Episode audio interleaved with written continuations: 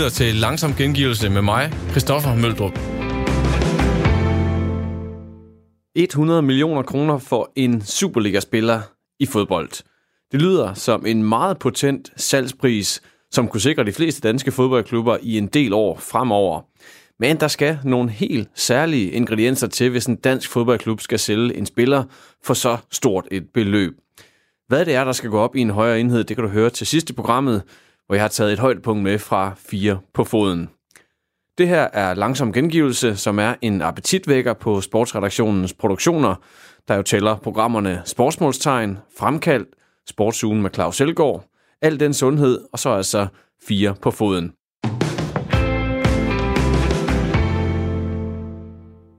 Cykelrytteren Emil Vinjebo har foretaget det uundgåelige ritual hen over vinteren, som alle cykelryttere skal igennem. Benene skal barberes glatte, så de er klar til de tidlige forårsløb, og ikke mindst træningslejrene under solrige himmelstrøg. Vi kender det alle sammen, når Tour de France-feltet triller afsted med glatte og solbrune ben rundt i landskabet. Men hvorfor bliver cykelrytterne ved med at fjerne hårene fra benene? Amalie Bremer og hushistoriker Jonas Neivelt spørger ind til det i Sportsmålstegn. Nu skal vi til næste emne i den her aftens udgave af Sportsmålstegn her på Radio 4, og der kaster vi os over lidt af en myte fra cykelsporten. Det handler nemlig om hårfri stænger.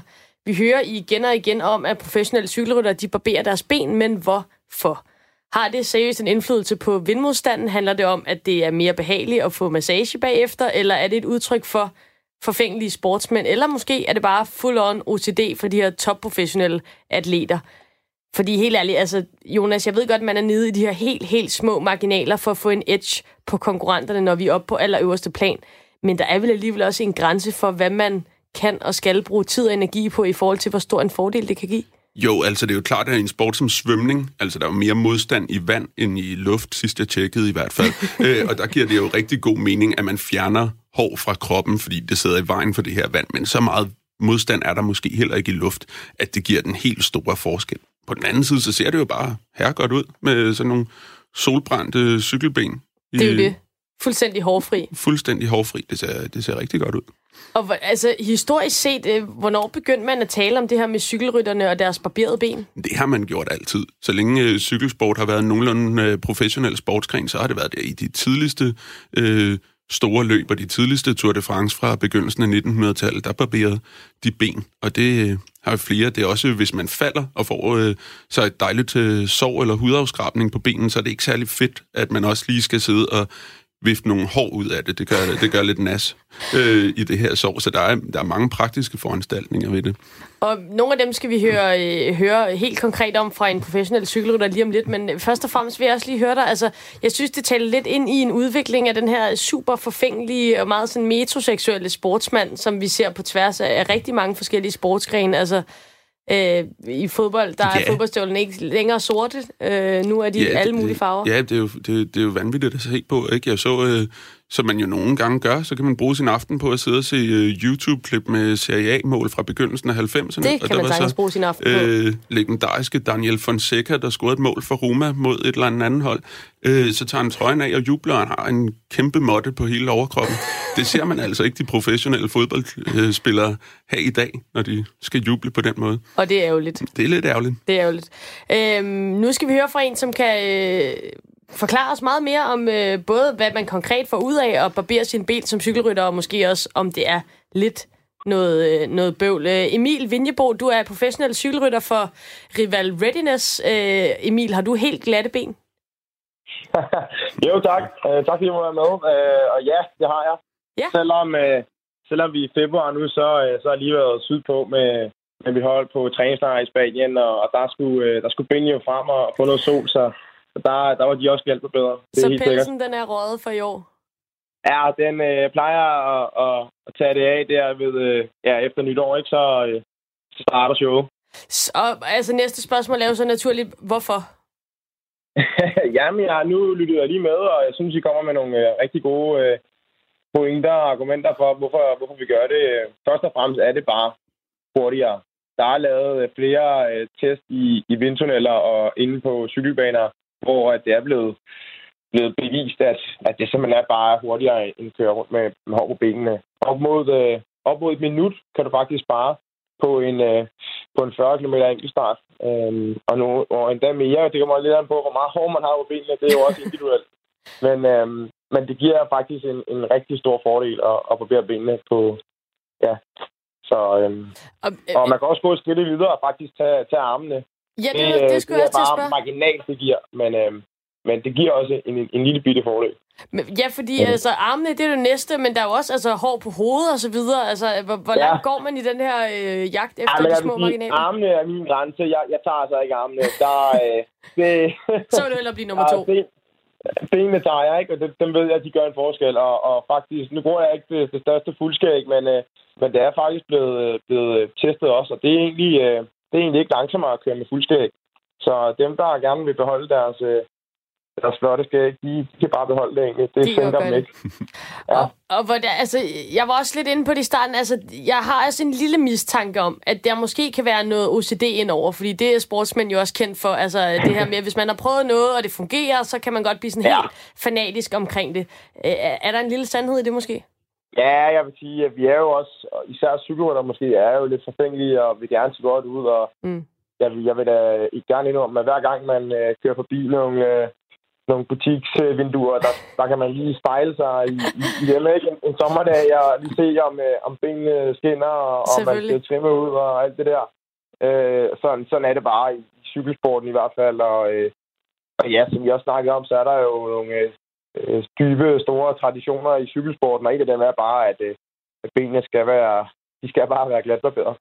Øhm, ja, og det, det tænker jeg jo, det, det kan man jo kun have respekt for. Altså, det er også noget, der, det, der giver, giver stil over cykelsporten, tænker jeg, at, øh, at det handler også om at se lidt godt ud, mens man er skide hurtig på en cykel. Ja, ja det synes jeg også. Det, øh, vi går meget op i det i hvert fald, og hvis der, hvis der kom en ud i, i det professionelle cykelfelt og havde, havde en ordentlig øh, øh, pels på, på benene, der, der ville man nok lige øh, give ham en kommentar og sige, hvad, hvad, hvad pokker har du gang i?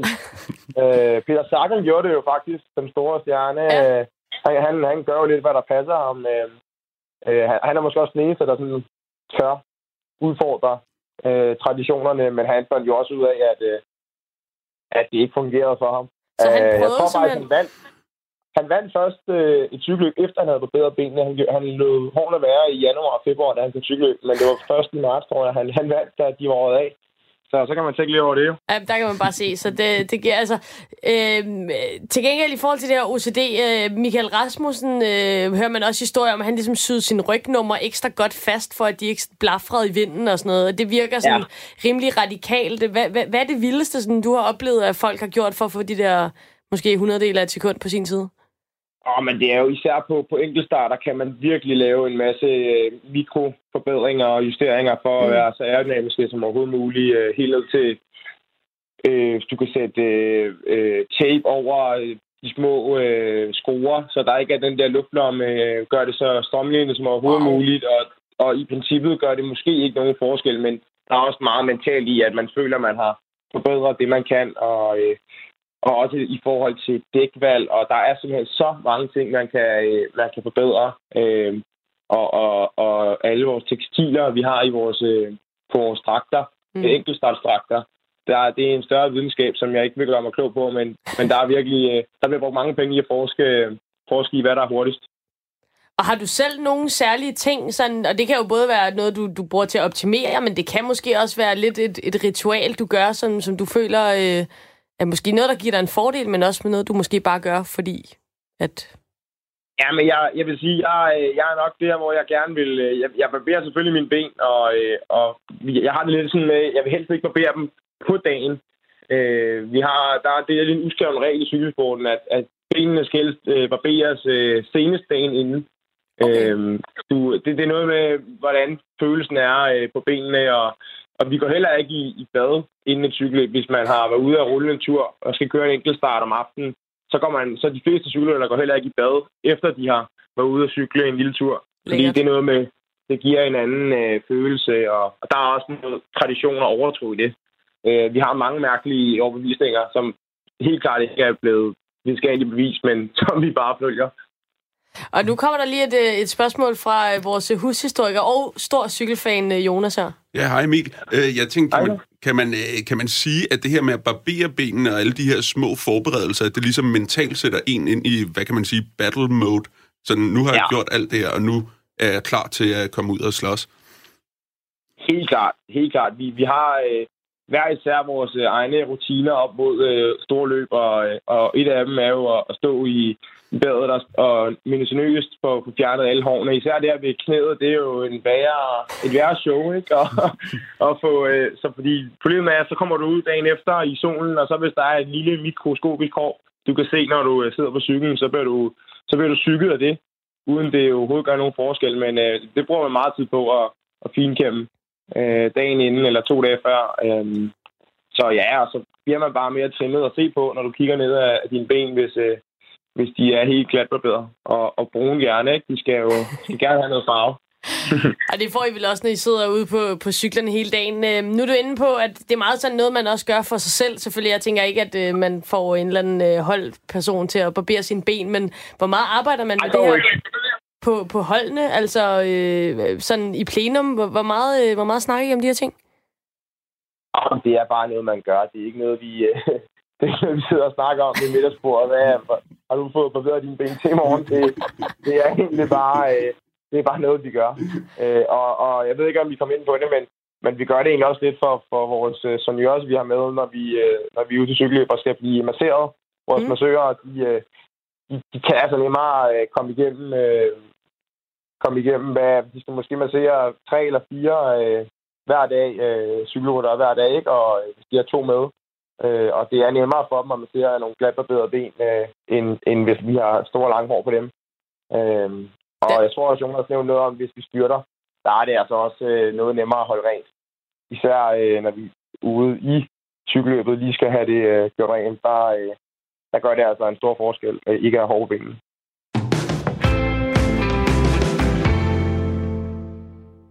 Christina Pedersen og Camilla Rytter Jul har stoppet badmintonkarrieren på internationalt niveau. De er flyttet fra København tilbage til Nordjylland, hvor de begge oprindeligt kommer fra.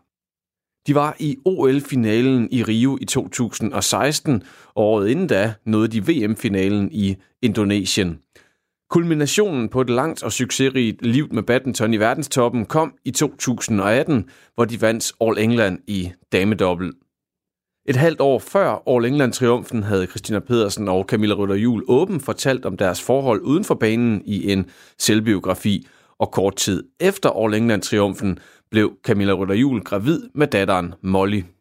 Claus Elgaard tog til DGI-huset i Aalborg, hvor badmintonparet stadig holder formen ved lige, så de kan spille med i den danske badmintonliga. Jeg har haft fornøjelsen af at tale med interviewe nogle, nogle sportsfolk, som har deres skal man sige, specielle måder at sætte sig op under en kamp, hvis de lidt er i krise. Jeg har aldrig talt med Bjørn Borg, men han, havde et, han sagde altid ind om frittet, altså ind i skidtet, og så havde han sådan en idé om, at alle bolde var en kamp i sig selv. Det var ikke en del af en større kamp. Hver eneste gang, der blev spillet en bold, når den var færdig, så var det en ny kamp. Helt ny kamp. Sådan gjorde han det. Øh, Linford Christie, 100 meter løberen, han havde det her tunnel vision osv. Vi har bare set jer på vigtige bolde gå og grine, sige noget til hinanden, viske noget til hinanden i ørerne, og så begyndte de at grine lige pludselig. Og så har jeg tænkt, hvad fanden sker der der? det må jeg altså lige forklare. Jamen, det, det er også rigtigt, øh, at, øh, at vi kunne godt have sådan lidt en, en breaker, når, når det spidser til at blive for vigtigt. Og, og det startede til, sådan for alvor til, til OL i, i Rio i, tilbage i 16, at øhm, vores turnering startede dårligt derovre, øh, startede med at tabe den første puljekamp, og vi skulle virkelig kæmpe os tilbage for at, at blive i gamet. Øhm, og der havde vi en veninde hjemme i Danmark, som, øhm, som pludselig øhm, fandt på, at vi skulle lave mental high five, fordi hun var der ikke, så hun kunne ikke give os sådan en fed high five der.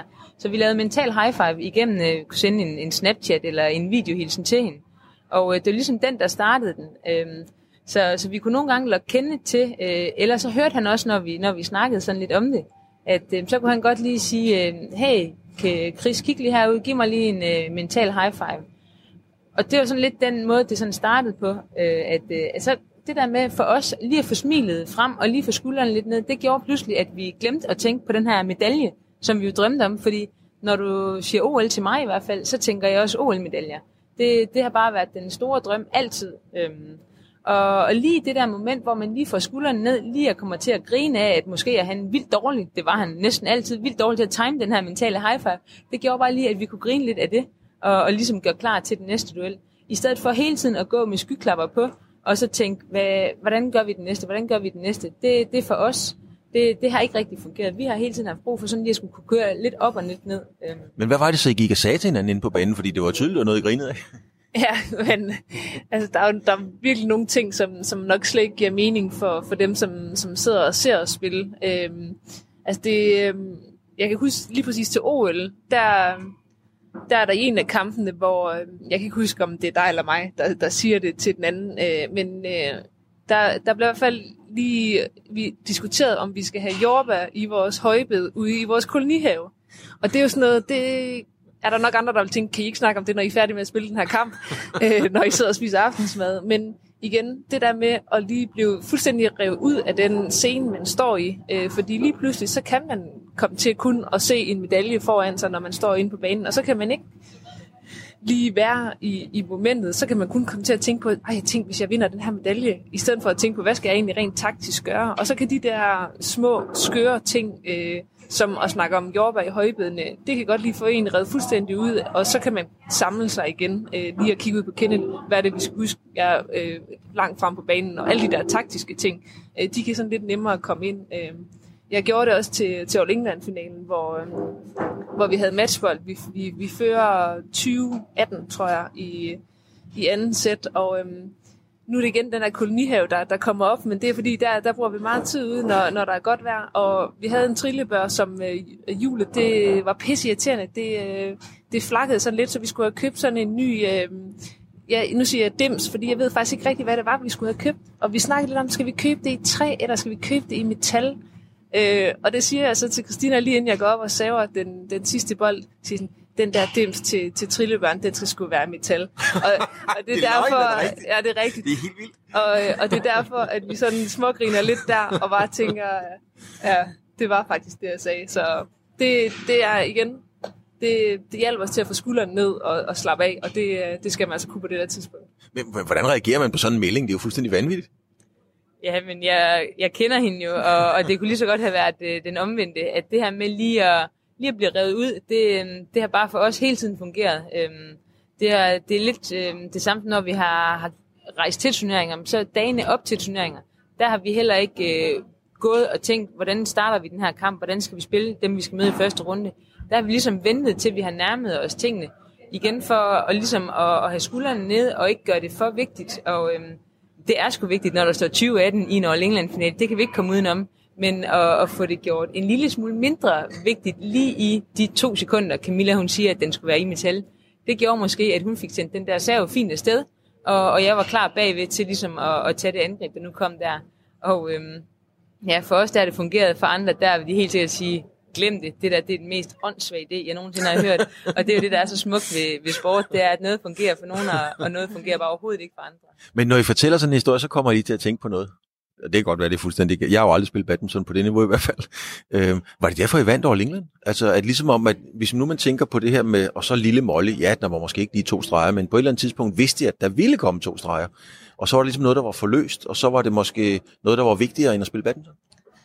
Jeg tror da helt sikkert, at, øh, at sådan nogle ting spiller ind for, øh, for en god præstation. Øhm, det spiller jo også ind, at vi havde en ordentlig portion træning i bagagen, og en ordentlig portion erfaring med de spillere, vi mødte, og en ordentlig portion forberedelse til selve kampen, og videoanalyse, og alle de der ting, det skal bare sidde lige i skabet. Øh, og så er det de der øh, bitte små marginaler, og, og det der mentale spil, som, som afgør de, de helt store kampe til sidst. Så, så ja, jeg, jeg, tror da, jeg tror da, det er en af grundene til, at, at vi fik den der All England-titel med. Mm.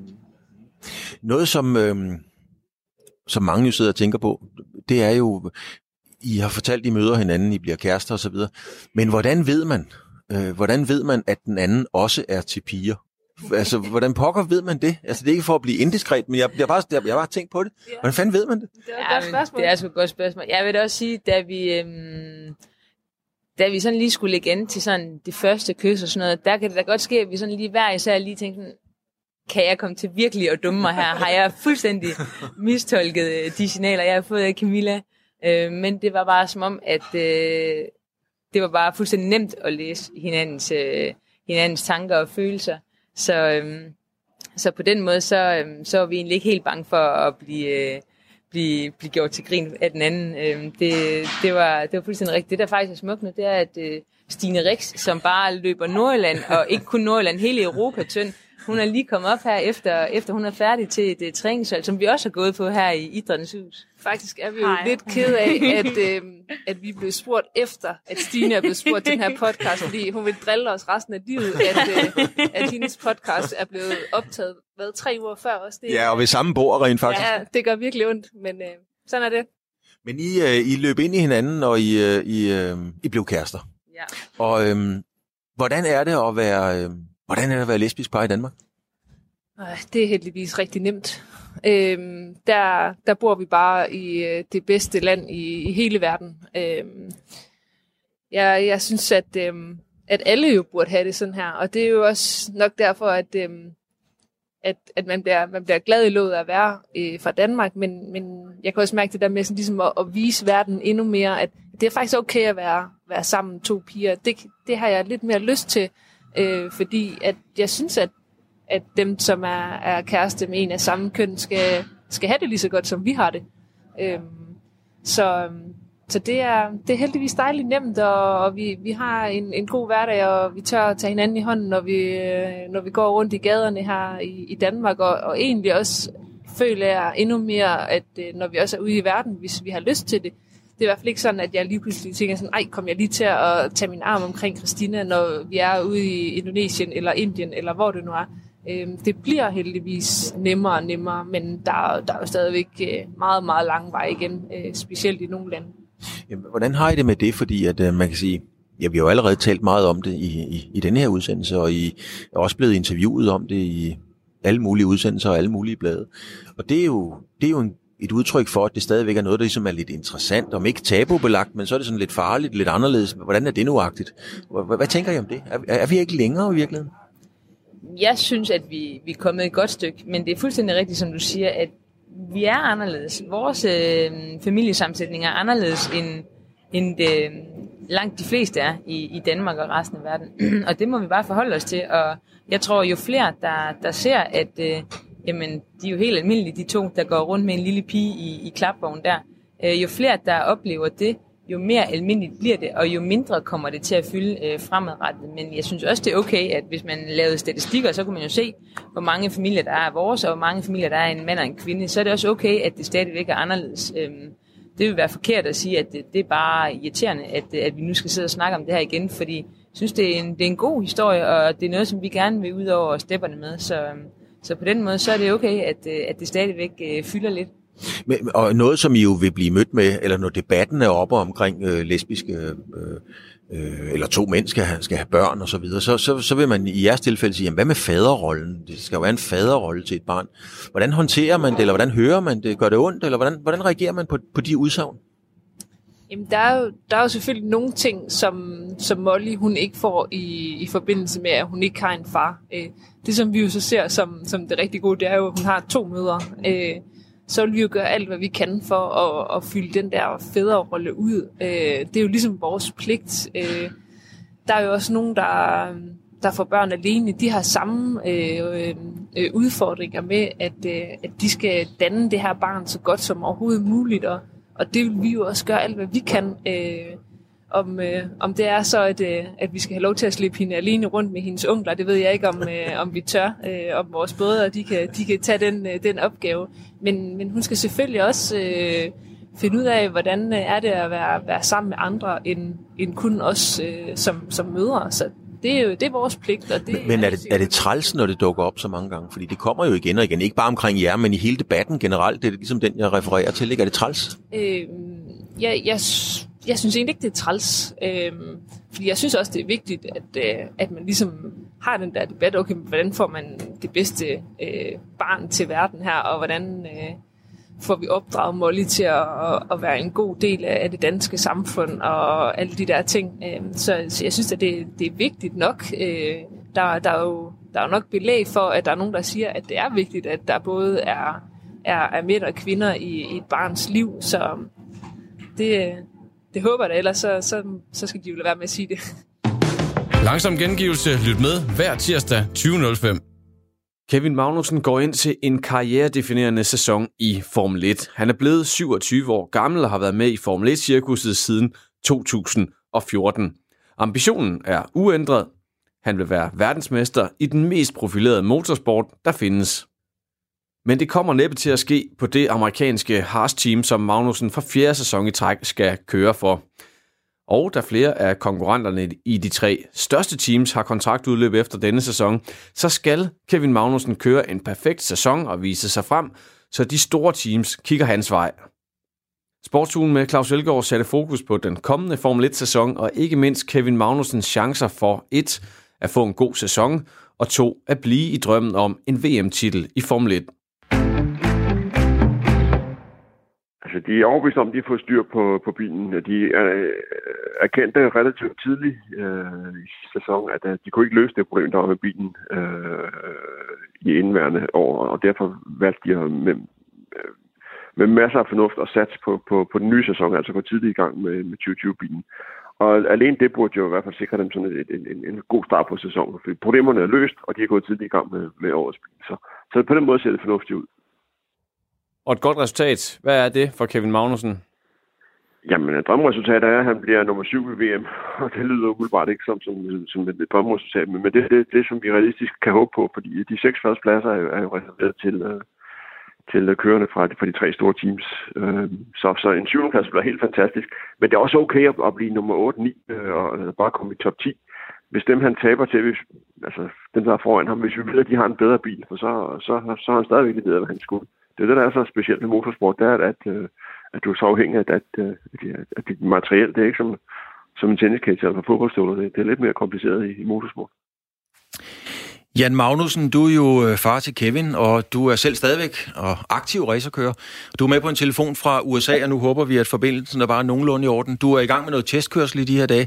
Hvad, hvad kan vi forvente af Kevin i, i 20? Jeg håber, at de forventer, at de har fået bygget en, en bedre bil, og så komme tilbage der i toppen af, af midt, midtfeltet, hvor, hvor de bestemt hører til, når, når de rammer rigtigt. Og nu hører vi så Peter Nygaard sige, at der har været god tid til at arbejde med bilen osv. Er du også optimistisk omkring øh, Kevin Magnusens bil her i den kommende sæson? Ja, yeah. jo, det er jeg. Altså, jeg har ikke så meget kendskab til, øh, hvad det er, de har gjort anderledes end sidste år. Altså, men øh, jeg kan forstå på Kevin, at de, at de mere selv, at de har, har har forstået, hvorfor det gik galt sidste år, øh, og umiddelbart har prøvet, eller umiddelbart har fået rettet op på nogle af de ting, men det finder vi først ud af, når de kommer i gang med at teste og kommer i gang med at køre nogle løb. Ja, og øh, jeg skal ikke pumpe dig for mere af det, fordi at det er jo i den grad øh, følsomme oplysninger at komme ud med. Men Jan, vi hørte øh, Ken, øh, undskyld, Jesper Carlsen fortælle, øh, komme med et bud på, at, at, at Hamilton var blevet sådan en lidt designet racerkører. Øh, og vi to har jo talt sammen om tidligere i programmet Fremkaldt, at der var også nogen, der prøvede at designe dig. Øhm, så, så hvad er dit råd til Kevin i den? Altså, skal han, hvor meget skal han bevare sig selv i forhold til, hvad du selv har erfaret og lært? Jamen, jeg synes, at Kevin skal, skal, skal gøre, øh, hvad han har gjort øh, de sidste to-tre år, hvor han netop har fundet sig selv, og, og øh, når han er glad og tilfreds, så er han også en meget bedre racerkører. Og jeg synes, at Haas giver ham den plads til at være den, han er. Øh, han er ikke så øh, finpudset som nogle af de andre. Øh, men det er heller ikke sådan, han virker bedst. Øh, jeg tror, at Hamilton har fundet sig selv i, i den måde, han gør tingene på. Men det, jeg kan ikke slet ikke forestille mig, at det vil virke for, for sådan en som Kevin. Men han skal bare være øh, øh, glad og lige frem og lige til. Hvor svært er det, Jan? Du har jo selv været der, modsat alle os andre, så har du jo rent faktisk kørt Formel 1. Øh, øh, hvor svært er det at bevare sig selv i det der inferno af alt muligt, man sidder midt i lige pludselig? Jeg tror ikke, der er nogen, der kommer... øh, jeg tror ikke, der er nogen, der ikke ændrer sig øh, fra at de kommer ind i Formel 1, til de kommer ud igen. Øh, fordi det er sådan en, øh, en speciel verden at være i, øh, og det kræver så meget øh, af en, og øh, alle kigger, og alle har en mening, og alle får alt muligt at vide om dig, som, øh, som man måske ikke har lyst øh, øh til at, at skulle lige tage, tage stilling til. Men øh, jeg tror, det er vigtigt. Altså, det, det, det er bare super vigtigt at, at finde sig selv i alt det der. På den måde, det nu er. Hamilton har fundet på sin måde, og, men jeg synes altså også, at Kevin har fundet sin plads, hvor han, øh, hvor han virker bedst. Altså, han er den bedste version af sig selv. Og lige til allersidst, øh, Jan Magnussen, du skal ud og teste. Øhm, hvor vigtig er den her sæson for din søn? Den er lige så vigtig som, som de andre sæsoner. det er sgu svært at sige, om, det, om, det, om den er mere vigtig eller mindre vigtig. De, de er alle sammen super vigtige, fordi øh, alle de andre teams kigger, og Kevin har en ambition om at, øh, at kæmpe med om VM. Og, og det kan han jo ikke, som tingene ser ud lige nu i, øh, hos Haas. Øh, så det vil kræve, at han skal et andet sted hen øh, på et senere tidspunkt. Men det skal også være det, det, det rigtige tidspunkt. Men, men hvis man kigger på sådan en som Bottas, øh, som der han fik Mercedes-sædet, der var han jo egentlig bare bedst af det rest. Øh, og så var der lige pludselig en plads i et af topteamsene, og så fik han det. Tak skal du have, Jan Magnussen, fordi du havde tid fra USA til at være med i vores program. Øh, god test derovre. Tak. BT's Formel 1-korrespondent, det er altså Peter Nygaard, som jo er med de mere end 500 Grand Prix, og mener, at 2020-sæsonen bliver definerende for resten af Kevin Magnusens Formel 1-karriere. Når jeg siger, at, at, at, at den her sæson vil, vil definere Kevin Magnusens Formel 1-karriere, så er det fordi, vi skal, eller han skal finde ud af nu, om, om han kan opfylde drømmen om at blive verdensmester og vinde Grand Prix-sejr, så skal han videre til et andet team. Og hvis det kan lade sig gøre, så skal han øh, stille sig tilfreds med at være en, en middelgod øh, kører i, øh, i mellemfeltet, som sikkert kan få en lang Formel 1-karriere, men, men som dybest set har, har, skal vi sige, fremtiden bag sig, altså en kører, der ikke kommer videre til et topteam. Og det var der mange kører i Formel 1, og der, der er Sergio Perez, og der er Romain Grosjean, hans teamkammerater. Og der er flere eksempler på det, som får en god lang Formel 1-karriere, men altså ikke noget, der, der ringer op i, nærheden af Grand Prix eller VM-titler. Kan man groft sagt sige, at, øh, at, at Kevin Magnussen i mange år har gjort det, han selv skulle gøre, men at der også er nogle andre ting, nogle tilfældigheder, nogle, nogle andre høje herrer fra de store teams, som, som skal til at kigge hans vej, han måske et eller andet sted står sådan lidt i døde vande, hvor han ikke selv kan beslutte om, øh, eller bestemme, om han skal videre til de store teams? Ja, det kan du godt med, med en vis ret sige, men, men uh, han, han kan jo selv bestemme så meget, så, så hvis han leverer det, han skal, og helst lidt mere end, end, end det, han skal, så, så vil de store teams kigge hans vej. Hans vej. Altså, jeg, jeg ved, at der, der er teams, der har op i den fine ende af, af, af paddocken, der kigger hans vej. Uh, han skal bare understrege, at han er en af de kører, som, som man skal satse på. For han har jo, altså, jeg vil ikke sige, at han topper nu, men han har jo en god erfaring med bagagen. Han har en, en, en god alder. Uh, han leverer, som han skal. Altså, uh, det er svært at se, at han, han, han bliver, bliver meget bedre fremover. Så, så han, han skal uh, virkelig udnytte den uh, position, han har nu til at komme videre til et godt team, hvis han vil være verdensmester. Thomas Wolf, øh, hurtighed, ja, Lucky Luke er hurtigere end sin egen skygge, men, øh, men det er svært at være hurtigere som racerkører end bilen. Er Magnussen simpelthen, er, er han bedre end sit team? Jeg ved ikke, om han er bedre end sit team, men han er i hvert fald den lige nu, der får mest ud af det, hans team kan give ham. Øh, og øh, jeg synes, hans 2019-sæson var en kulmination på, på de år, som han efterhånden, og den erfaring, der var samlet sammen, og hvor at Kevin Magnussen i særdeleshed beviste, at trods modgang, nærmest fra da de rullede ud af pitten, eller første gang, i forbindelse med testen for et år siden.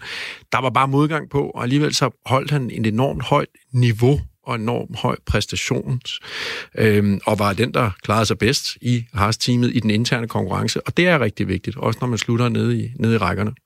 John, er du enig i det? Ja, altså der, der, der, der siger du selvfølgelig noget, Thomas. Det er, jeg vil sige, 19-sæsonen er den første sæson, hvor jeg har set en Kevin, der også efter sommerpausen fortsat performede. Ja. Altså han får styr på det, og han er, hans opgave, det sagde jeg også inden sæsonen, det var at køre Grosjean ud af Formel 1. Du har kun en, du kan sammenligne dig med. Det er din teamkollega. Han kører samme bil. Øhm, ham skal du altså sætte dig på. Det gjorde han. Og så lavede han nogle fantastiske qualifyings. Altså, jeg glemmer ikke Østrig, hvor han qualifierede den her Haas som nummer 5. Og øh, hvis der er nogen af jer, der har mulighed for at gå ind og se det, øh, så kig den der omgang. Det er sådan, at jeg trak ikke vejret i de der halvanden minut, eller en minut og ti, mig de kører. Øh, det var en sindssyg omgang, hvor, hvor han kører ind i, i sving 11 lige før startmål, hvor man kan høre, når man var på Hamilton, når man var Fettel, så kunne man godt høre Ferrari'en, den havde så meget downforce, at de kørte altså ind. De lette ikke på speederen, motoren holdt omdrejningstallet. Harsen kørte ind i det sving, den kan, står ikke så godt fast, men den letter heller ikke på omdrejningstallet. Det var sådan, det løb ned ad ryggen på mig. Det for mig viser, at der er altså et talent, øh, som når, når det virkelig er fremme, så leverer han. Og det skal han gøre konstant, fordi, som du også siger, øh, Thomas, så er det sådan, at øh, der er en del kontrakter, der udløber 2020, og øh, han skal være bedre end sit team. Det var Alonso for eksempel i Ferrari, da han blev nummer to med dem et par gange. Det var Ferrari slet ikke til, men Alonso var god, og det vidste hele verden. verden skal vide, hvor god han er. Og øh, det er hans chance nu, men, men den skal komme, og den skal komme konstant.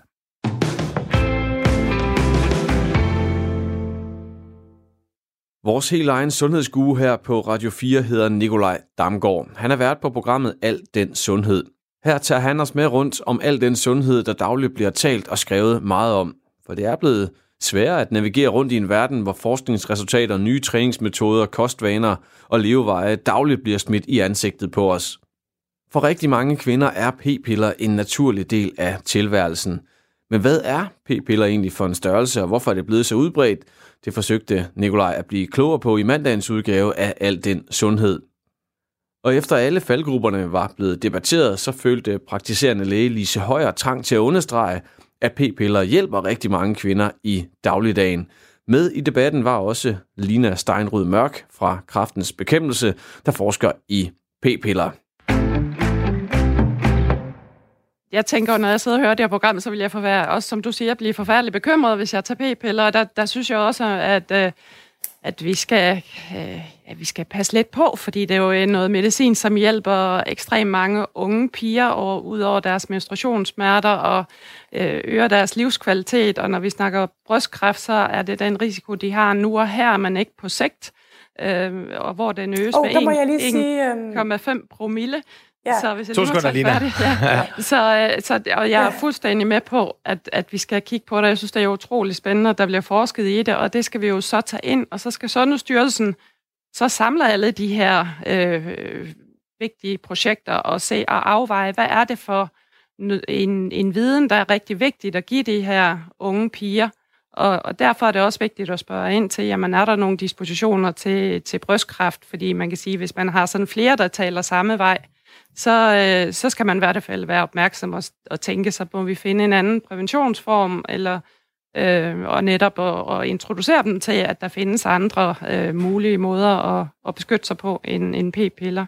Og heldigvis så er de unge piger, de er jo meget kritiske i dag, og de er, som sagt, så er de rigtig, rigtig godt forberedte. Og, øh, og vi må også sige, at, at brugen af p-piller er jo også faldende. Så, øh, så det fylder meget, meget mere i min hverdag nu at tage de her snakke om, om hvad der er af, af muligheder. At det så ofte er den her gestagenspiral, de så vælger i stedet for, øh, fordi det også giver dem mange positive virkninger, det er nemt osv., at det så også har en risiko. Det, det, var, det må jeg sige, det, det er jo noget nyt, som øh, vi jo også er nødt til at, at vide noget mere om. Og Lina, du, øh, du markerede før, eller kommenteret før, at du havde en, en indvending. Ja, jeg er fuldstændig øh, enig øh, i det, som Lise siger. Det er bare en ting i forhold til det med det lige i forhold til cancer. Der er det ikke kun øh, den risiko, man har nu og her, med at man tager dem. Øh, fordi de fleste kvinder tager, øh, tager jo ikke p-piller i, i et år, og så stopper der. De fleste de, de tager det i længere tid ad gangen. Og der, der ved vi, at hvis man har taget p-piller i længere tid, så var risikoen også ved, når man stopper, og det gælder også i forhold til brystkræft. Og der kan man sige, at det er vigtigt at huske, at brystkræft det er yderst sjældent for unge kvinder. Altså, det er virkelig øh, små absolute tal, vi taler om her. Men der, hvor, at, øh, som Lise også påpeger, altså, hvor, hvor man bør overveje det, det er, når man, når man bliver måske over 30, nærmer sig de 40, så er det et absolut risiko for, for brystkræft er altså større for eksempel. Og det, det er her, at, at man, man kan begynde at overveje, øhm, ja. om, om det er stadigvæk p-piller, der er det rigtige valg. og og det, det er også i forhold til hormonspiralen, øh, fordi den, den har man måske troet, at den var lokalt virkende. Øhm, øh, og det kan, det kan man se, at det er den ikke øh, alene. Lina, jeg er lige nødt til at, at, at afbryde det her, fordi jeg ved også, at du har snakket med min producer Louise om, omkring det her med ny forskning inden for p-piller og depression. Kan du gøre os lidt klogere på, på det? Ja, øhm, altså på samme måde som man har lavet de her studier om, om risiko for cancer og øhm, blodpropper, så har man lavet studier i forhold til risikoen for at og øh, få brug for antidepressiv medicin, eller øh, øh, at man bliver indlagt, fordi man har øh, haft et selvmordsforsøg. Øh, og der kan man altså se, at der er øh, en ret stærk sammenhæng øh, med brug af p-piller øh, og, og risikoen for at, at få de her sådan ret kraftige hormonpåvirkninger, kan man sige. Øh, og det er altså den, den, den sammenhæng er der særligt for de unge kvinder.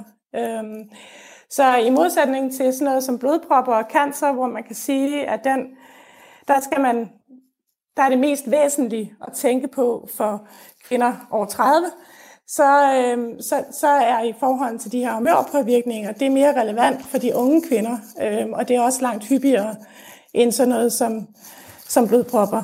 Øh, Ja, og Lise, du markerer.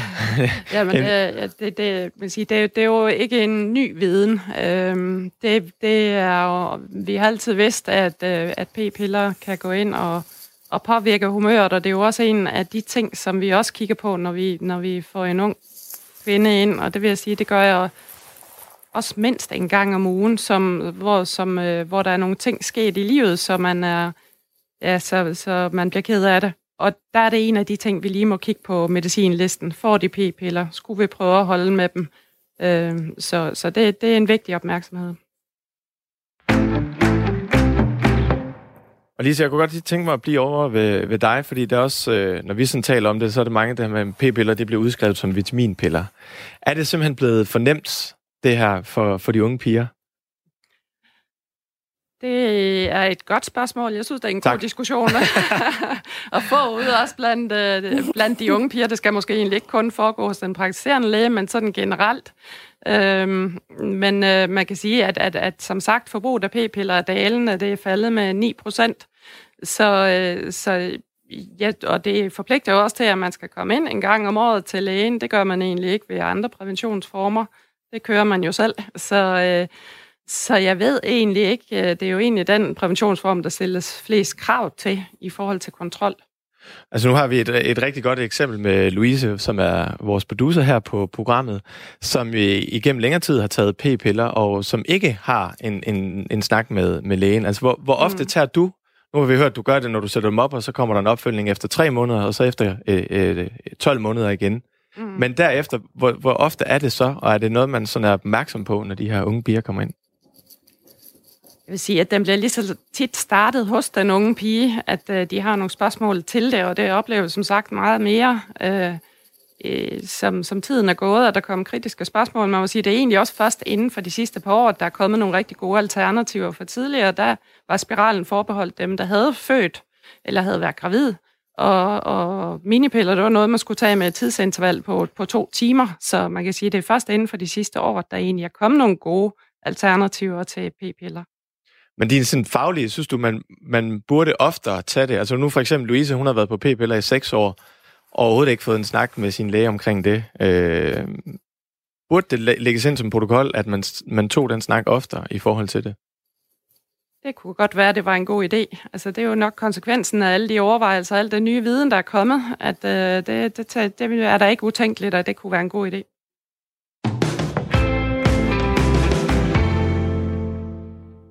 Kan dansk fodbold sælge en spiller til udlandet for mere end 100 millioner kroner? Det var et af spørgsmålene i Fire på foden. Tipsbladets fodboldjournalist Anders Sten og tidligere fodboldspiller Mads Asen var gæster hos Dan Grønbæk til en snak, der er kommet på baggrund af Ekstrabladets historie om, at FC København har sat en intern målsætning om at sælge en spiller for mindst 100 millioner kroner inden for de næste fem år. FCK har flere gange de seneste år været op omkring og lige over de 80 millioner kroner i salgspris for spillere, der er solgt til udlandet. Men hvad er det for mekanismer, der skal aktiveres for at lave de helt store spillersalg? Det er udgangspunktet for snakken her i Fire på Foden. Vi starter med et input fra FC Midtjyllands direktør Claus Steinlein, der var med til at sælge nordmanden Alexander Sørlot til den engelske klub Crystal Palace for en pris, der kunne have oversteget 100 millioner kroner, hvis Sørlots præstationer havde udløst alle bonusser i aftalen. Hvis man kigger på, skal dansk fodbold sælge en spiller til 100 millioner, jamen så kræver det, at vi har europæisk succes. Og, og det har FCK jo haft i mange år, og derfor, derfor har de også fået fine priser for deres spillere. Men jeg kunne se det år, vi var i gruppespil europæisk, jamen så steg prisen på vores spillere markant i forhold til, hvis vi ikke havde været i gruppespil. Så, så det, der er ekstremt vigtigt, øh, hvis hvis det skal lykkes at sælge en fodboldspiller for over 100 millioner, jamen det er, at man spiller, ja, de her spillere, de spiller nogle gode kampe mod nogle store europæiske hold, som folk kender. Øh, og det er for eksempel en Pione Sisto, der spiller en god kamp mod Manchester United, både på hjemmebane og udebane. Jamen så får vi bare en lille tand mere for ham, da vi skulle sælge ham, end hvis han ikke havde spillet de kampe. Så selvfølgelig er det opnåeligt at sælge fodboldspillere for dansk fodbold for 100 millioner, fordi transfermarkedet stiger og stiger. Og man, når man ser, hvad, hvad klubberne rundt omkring i Europa, de køber spillere for, øh, også fra mindre klubber, jamen når Ajax kan sælge spillere for 200-300 millioner, så kan vi selvfølgelig også i Danmark. Hvis vi starter over ved dig, Anders Sten. 100 øh, millioner kroner lyder stadig voldsomt for mig fra en dansk klub til udlandet, selvom øh, markedet stiger og alt det her værk. Hvor realistisk er det, at det her det lykkes, tror du? Det tror jeg er meget realistisk. Øh, Claus Steinlein har vel selv været i nærheden af det øh, med øh, Alexander Sørlot i sin tid, øh, som hvis og så fremt øh, bonusser og sådan noget bliver, bliver udløst, så kommer han over 100 millioner kroner. Mm. Øhm, og hvis præmissen er, at man skal have europæisk succes for at sælge spillere i, i det øh, prisleje, øh, og FC Midtjylland kan gøre det, så burde FCK jo også kunne gøre det, fordi de har jo, som Steineren også selv er inde på, haft øh, pænt med europæisk succes, i hvert fald europæisk deltagelse. Øh, og som du selv sagde før, priserne de går kun en vej, så og have den, jeg tror, Ekstrabladets artikel nævnte den femårige periode, altså så det kan jeg ikke se, hvorfor de ikke skulle kunne gøre. Men, men jeg kan bare stadigvæk godt kigge på de her hold nu, og så sige, okay, en ting er, det kommer vi også til lidt senere, hvem er det så, der kunne ryge afsted for de her beløber? Men noget andet er jo også bare, at, at, at nu, nu nævnte du selv Sørlot eksemplet. Det er sådan en rigtig klassisk klausulaftale med, at han kan opnå 100 forskellige ting, og så får man flere penge. Og lige nu tror jeg, at den ligger omkring sådan uofficielt, at man har fået cirka, det er igen de der 70-80 millioner for ham, fordi han jo desværre først begyndte at score mål, da han kom til Tyrkiet på en lejeaftale, ikke? Altså, er der ikke stadig, er det her gap, er det bare mindre, end man regner med, Mads Asen?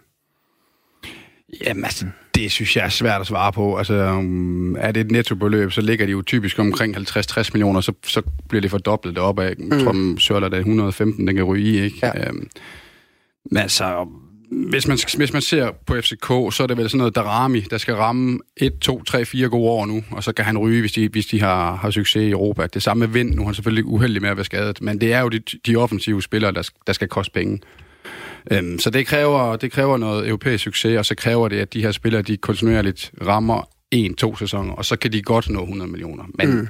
jeg synes stadigvæk, nu siger han Ajax, der synes jeg, at FCK Midtjylland har et niveau op til nu. Altså, de, de henter så selv spillere ind for over 100 millioner selv. Så der, det gør danske klubber jo ikke. FCK håber måske at få, få gevinst af Pep Biel på et tidspunkt, fordi han kan spille europæisk, han kan ikke spille Superliga. Det er jo en mærkelig, mærkelig måde at tænke på, ikke? Men, men de klarer sig jo meget bedre end Midtjylland. Mm. Og det er jo også det, Midtjylland på et eller andet måde bevæger sig ud i nu ved at hente de her brasilianske spillere, ja. som måske kan klare sig bedre internationalt. Det, det er meget sjovt, du nævner det her med, hvad det skal være for en type spiller, der kommer afsted, for det spurgte vi faktisk, snakke også med, med Steiner om tidligere dag. Han er, han er relativt enig, kan jeg godt afsløre allerede nu. Jamen, der er ingen tvivl om, at skal du op på de beløb, så, så, så skal det helst være en stor fysisk stærk angriber, som du sælger til Premier League. Altså, det, det vil være klart det letteste. Det er angriberne, der er i højst kurs, øh, og der kan man jo se, at har nordmanden, der lige har haft succes for, for Salzburg, jamen altså, det er bare lettere at få nogle årlige priser for angriber. Så, så angriber, hvis du sammenligner med målmanden, som er det sværeste at sælge umiddelbart, jamen så er angriber bare højere sat. Og kan du så sælge til det engelske marked, Premier League, jamen så får du bare noget mere for, for spillerne. Det er også giftigt nok, de laver en sammenligning til måske den, det vildeste angrebstalent, vi har set i lang tid, i hvert fald ifølge hans øh, målstatistik. Men, men, men der er noget omkring det her med, hvad det skal være for en spiller, men så er du også inde på det her med alderen. Altså Darami har vi set øh, levere enormt godt i en meget, meget ung alder. Men der har vi også set nogle spillere ryge afsted, altså væsentligt billigere. Så er, det, så er vi nede i de 16-17 år, så ryger de afsted for de 20-30 millioner, uanset om det er Midtjylland eller FCK max er det en balance mellem, hvor lang tid de skal nå at spille på topniveau, og så stadig sælge dem afsted tilpas tidligt til, at der, at der kan være meget mere i posen på en eller anden måde? Jamen, jeg synes jo, hvis man kigger på Nordsjælland, som er sindssygt gode til det, jeg tror, det var 320, 30, 40, nu kan jeg ikke huske beløbet eksakt, men, men på de seneste fem år, ikke? Ja. De sætter jo allerede barrieren højt. De spiller ikke uh, internationalt, men de sælger Mikkel Damsgaard for 50 millioner. Han er 19 år. Ja. Det kan jo FCK, FCK jo også sagtens gøre, hvis de får internationale kampe på CV'et. Men ville Damsgaard være råd afsted for, lad os bare sige 100 millioner, hvis han havde spillet i FCK, og altså lad os sige, at han i stedet for at gøre det rigtig godt mod Silkeborg, hvor han klapper den der fantastiske kasse ind, jamen så havde det været mod en, det ved ikke, en gruppe modstander i UEFA øh, i Europa League.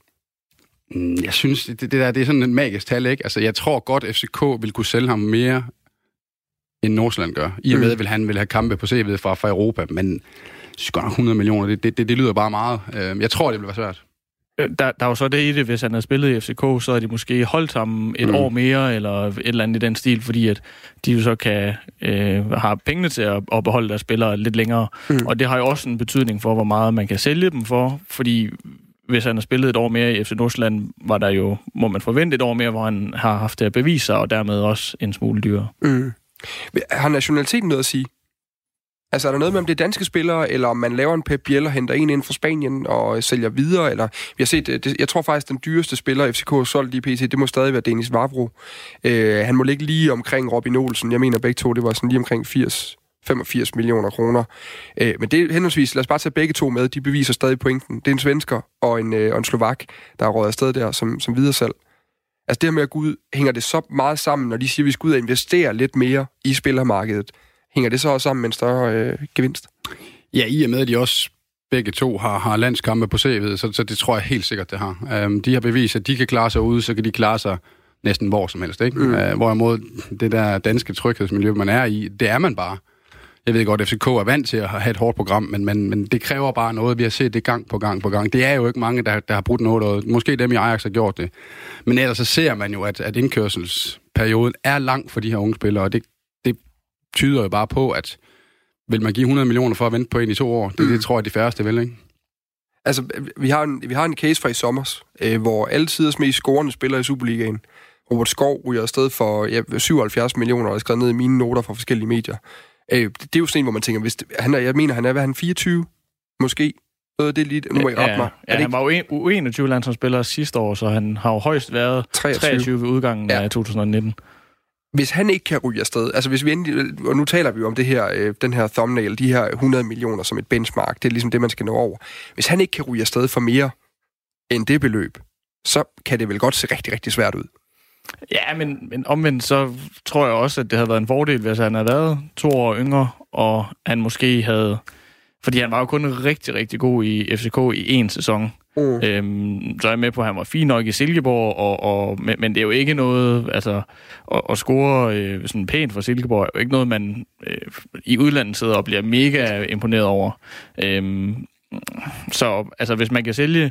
Nu var øh, Steinlein jo inde på før, at det er nemmest med offensive spillere. Mm. Øh, så hvis man kan sælge en midtstopper for 85, altså hvis man så får en, en angriber eller en offensiv spiller med, med mål og oplæg i støvlerne, altså så, skal, så kan man selvfølgelig også sælge det til, til 100 millioner.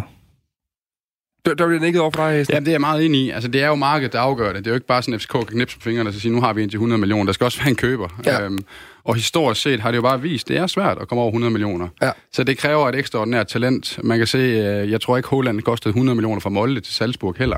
Så det er, det er jo svært. Øhm, hvad sagde jeg der? Så jeg, så nej, nej, nej, nej, jeg sad bare og tænkte, i så fald så har de i hvert fald lavet en rigtig dårlig handel ja, ja, Salzburg, hvis de kun har forbedret. Ja. helt ind i klubberne. Men, men, men de har selvfølgelig haft noget videre salg, ikke? så de ja. skal nok have tjent det ind igen. Ja.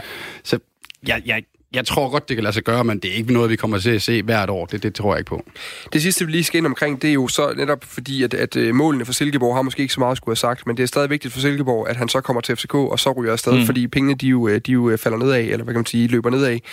Det snakker vi også lidt med Steineren om, fordi hvis der skal skydes de her helt store handler af, så skal det være FCK eller Midtjylland, mener Steinlein. Det er simpelthen øh, så godt som umuligt for klubber længere nede i tabellen, og det er øh, forsvarsspilleren Bubakar Sane et øh, rigtig godt eksempel på. Man kunne se, da vi købte uh, Bubakar Sane ned i Horsens, så synes de jo, de fik en rigtig fin pris på ham, og jeg tror også, de fik markedsprisen. Uh, vi, for, vi forsøger selvfølgelig altid at presse den lidt, men jeg tror, at havde de solgt ham på det danske marked, som han var attraktiv for, så var det nogenlunde den pris, som vi gav. Men et halvt år efter, jamen så fik vi jo øh, 10 gange så meget for ham.